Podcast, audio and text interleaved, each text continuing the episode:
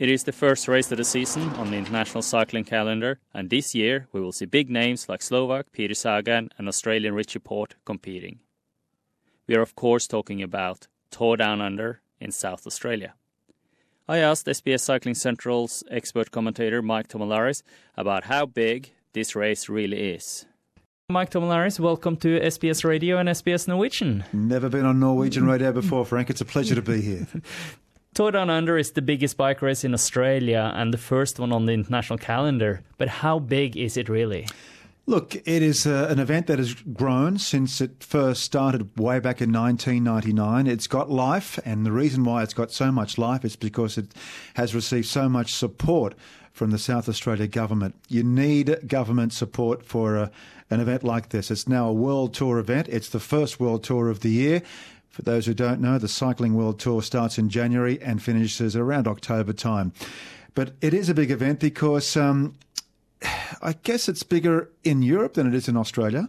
Why? Because uh, it's freezing cold in uh, Europe and uh, they're just itching for television coverage of cycling events, professional cycling events like the Tour de France. Uh, when uh, most Europeans, especially Norwegians, are sitting in front of a fire and there's ice and snow outside, well, they can, I guess, imagine in being in a place like South Australia and Australia, watching the best riders in the world go around under the scorching heat. And temperatures will rise up to 35, 40 degrees sometimes.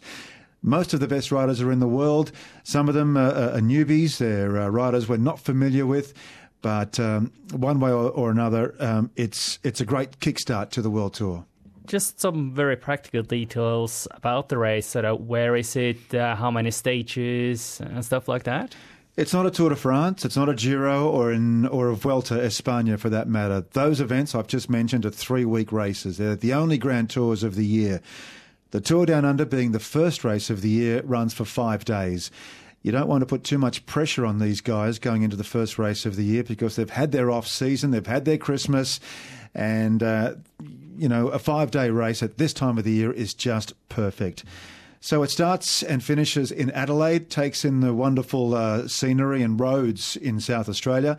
And they go to places like the Barossa Valley, the McLaren Vale, down to Victor Harbor on the southern coast of South Australia, and places in between. Um, it's a great city, Adelaide. If you haven't been, at this time of the year and you are interested in cycling or riding a bike or any activity for that matter, South Australia with a population, or Adelaide with a population of 1 million, I think it's just the perfect size for an event like this.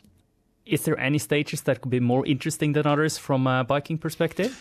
Well, like any uh, stage race, there's always um, a queen stage. And what I mean by that is uh, it's a stage where there is a challenging hill or a mountain, as is the case in the Tour de France.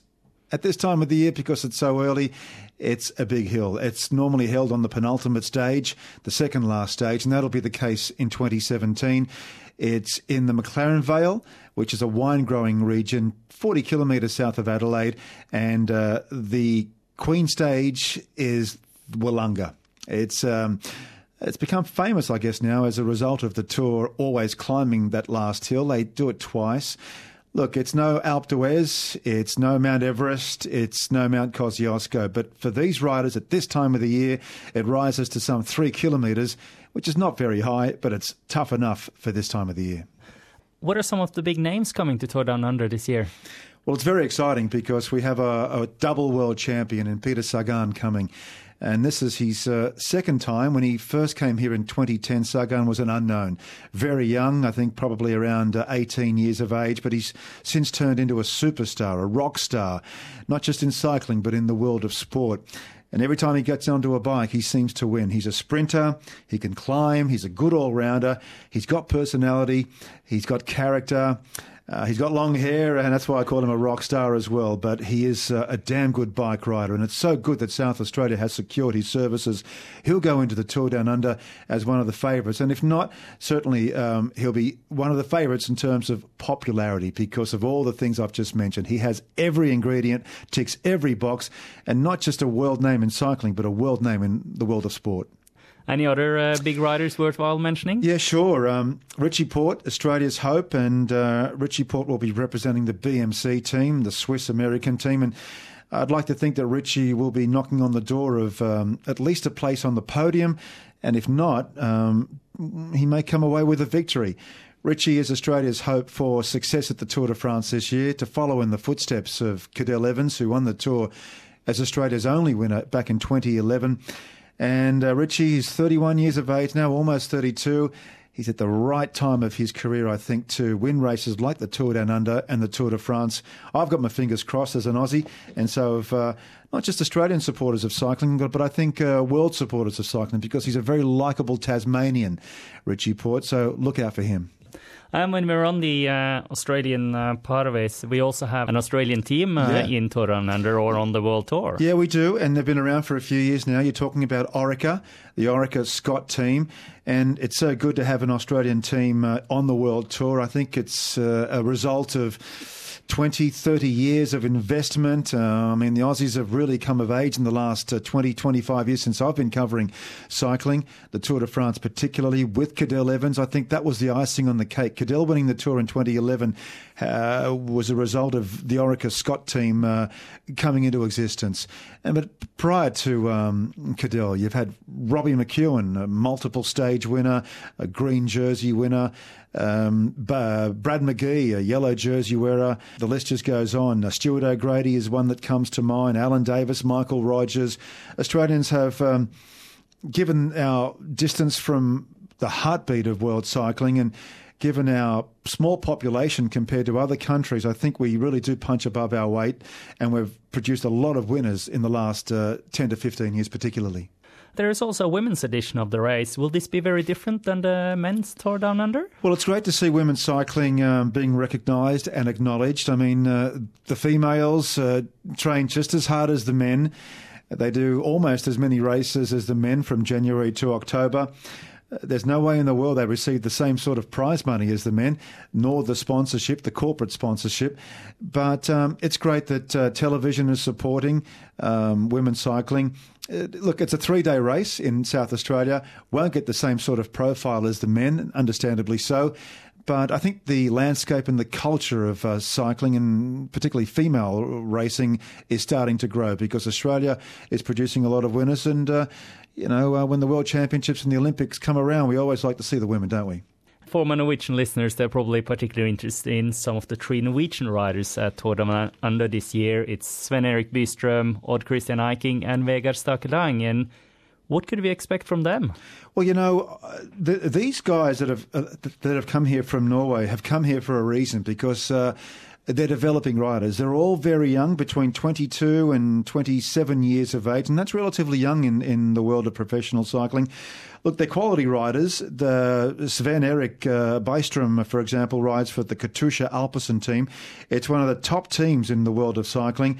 A very big budget. And I would say that this guy, uh, 25 years of age almost, uh, gets uh, a big pay packet. Uh, he's a, he's won a lot of races. Looking at his resume at under 23 level, and uh, has also competed at the Tour of Spain, the Vuelta. Uh, for Odd Christian Eiking, rides for a French team, Française des Jeux, uh, also very young, 22 years of age. And as for Vegard Stake Laengen, rides for the new new team from the United Arab Emirates.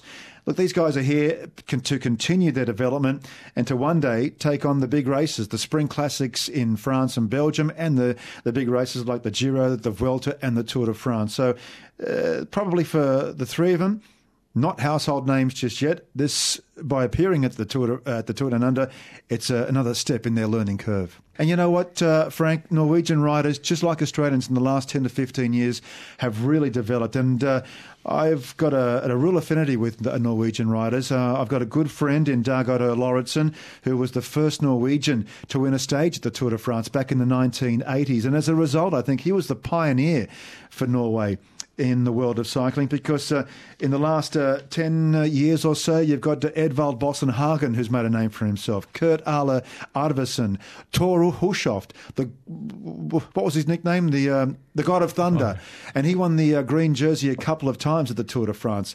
The current uh, big name is Alexander Kristoff, who's won uh, San Remo and Flanders, classic races in, that are held in March and April. These guys, they punch above their weight. For a small nation like Norway with a small population, they've done so much to change the culture of the sport in, in your country.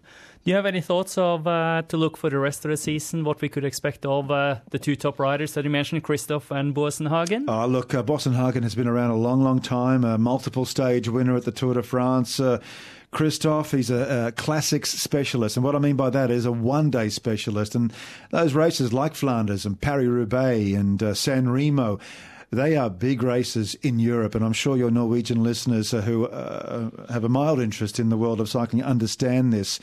Um, Kristoff will be a favourite to do it again in those one day classics. And look, he's no slouch when it comes to stage races. He'll never win a Tour de France, but he'll also always dominate in the stages. He'll pick one or two stages, earmark one or two, and go for them. And we've seen him do it in the past, and I'm sure he'll do it again this year. Mike Tomalaris, uh, have a good trip to Adelaide, and thank you so much for talking to us. Absolute pleasure, Frank. That was Mike Tomalaris from SBS Cycling Central. And you're listening to SBS Radio, and I'm Frank Matheson. You can follow Tour Down Under daily on sbs.com.au slash cycling central or on their Twitter and Facebook accounts.